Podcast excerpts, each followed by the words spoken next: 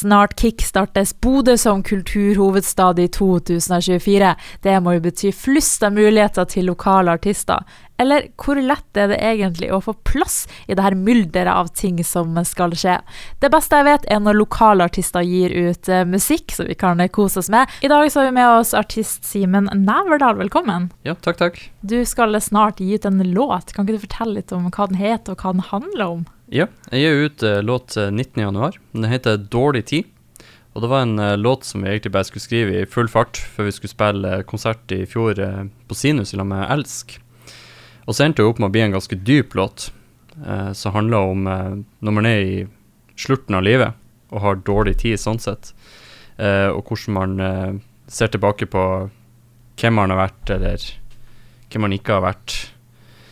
I hvert fall sånn som jeg tolka den sjøl. Mm. Den kan sikkert tolkes på mange måter, eh, men det, jo, det, var i hvert fall der det kom ifra. Men du er jo egentlig ikke på slutten av livet, sånn sett. Du er jo forholdsvis ung. Hvor finner du liksom inspirasjon fra da når du skriver låter? Jo, altså, jeg har jo Nå har jeg jo skrevet på norsk en stund, og da fant jeg i starten masse inspirasjon av å skrive om andre. For jeg har skrevet masse om meg sjøl, og følte at det begynte å bli litt kjedelig. Eh, og nå, nå, kommer det egentlig fra alle plasser. Jeg, jeg kommer ofte med ei setning, bare, så jeg tenker at det her kunne vært ei låt. Og så skriver jeg den ned på telefonen, og så har jeg jeg har et sånt notat med masse setninger. Uh, og da jeg henta fram her, da, det var jo da eh, setninga 'Livet mitt et puslespill som jeg aldri får lagt ferdig'. Og jeg tror at jeg har mista et par brikker. Og det var egentlig der resten av låta kom ifra. Fra den der biten. Og så skal du jo snart ha release-konsert. Kan du fortelle litt om det? Ja, jeg uh, skal jo endelig spille på Beddingen kulturhus. Og da har vi jo fått med oss Pure Instinct som oppvarmingsband det blir veldig bra. Eh, vi eh, hørte jo de eh, når vi var og spilte på en konsert i Gildeskål for ja, det er snart to år siden.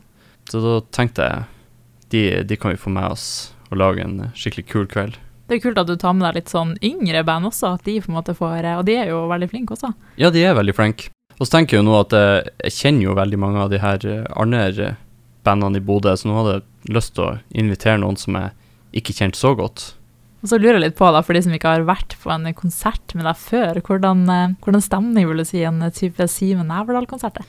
Simen Næverdal-konsert er kanskje mer rock enn pop, sjøl om jeg liker å tro at det er mer i popverdenen nå enn, en i rocken. Men eh, det er jo eh, nordnorske tekster med masse gitarsolo. Så god stemning og rock'n'roll, det tror jeg man kan forvente. Hvordan endte du liksom å skrive på nordnorsk? Har du alltid gjort det? Har det vært mest komfortabelt, eller har du prøvd deg litt på engelsk også? Nei, altså jeg skrev jo på engelsk i mange, mange år, ja. og jeg ga jo ut eh, noe musikk eh, i 2019 under et annet navn, eh, Dream Reality. Og da var jo enda mer rocka og enda mer gitar og, og engelske tekster, da. Eh, vi spiller jo faktisk noen av de låtene i, i settene våre òg. Men eh, jeg gikk over til norsk når, eh, når jeg var med i låtfesten. Og da hadde jeg lyst til å bare gjøre noe nytt. Og når den muligheten kom til å sende inn en demo og kanskje få ferdig i studio, så tenkte jeg nei, nå skal jeg gjøre noe helt annerledes. Og siden så har jeg ikke sett tilbake, for uh, det er tydelig at uh, jeg får jo tilbakemeldinger på at folk klarer å relatere seg mer til låtene, de kjenner seg igjen. Det treffer de på en helt annen måte. så det er jo sånn jeg har kommet meg inn i musikken her i Bodø. Føler du også at det er mer personlig når du selv skriver på din egen dialekt? Ja, det er jo det. Det er jo noen linjer som jeg tenker at det her kan ikke jeg synge.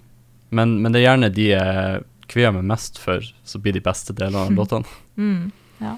Og så lurer jeg på, Nå går vi inn i kulturhovedstadåret 2024. Hvordan er det å drive med kulturliv det her året i Bodø? Jeg er jo veldig spent og ja. har sett veldig fram til det.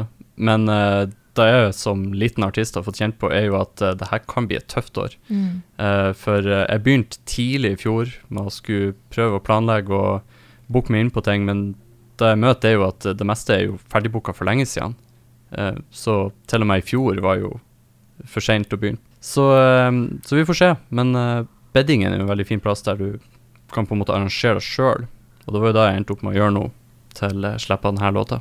Hvorfor syns du det er viktig at folk skal støtte opp lokale musikere også? Jeg syns jo lokal musikk er fantastisk. Bare fær på tirsdagsjammen på dama di, når som helst på en tirsdag. Så det er jo Det er så masse flinke folk, uh, og ikke alle de får sjansen til å vise frem. Så når det er noe lokalt, så bør man absolutt støtte om det, for da, da kan det bli veldig bra hvis de bare får en arena å vise frem på. Og så helt til slutt, da. Hvorfor skal folk komme og se deg, og når og hvor er det releasekonserten foregår?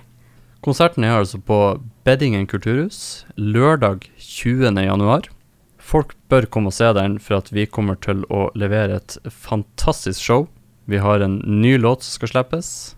Vi har gamle, kjente låter som vi allerede har fått eh, gjort eh, veldig kule konserter med. Det kommer til å bli en opplevelse.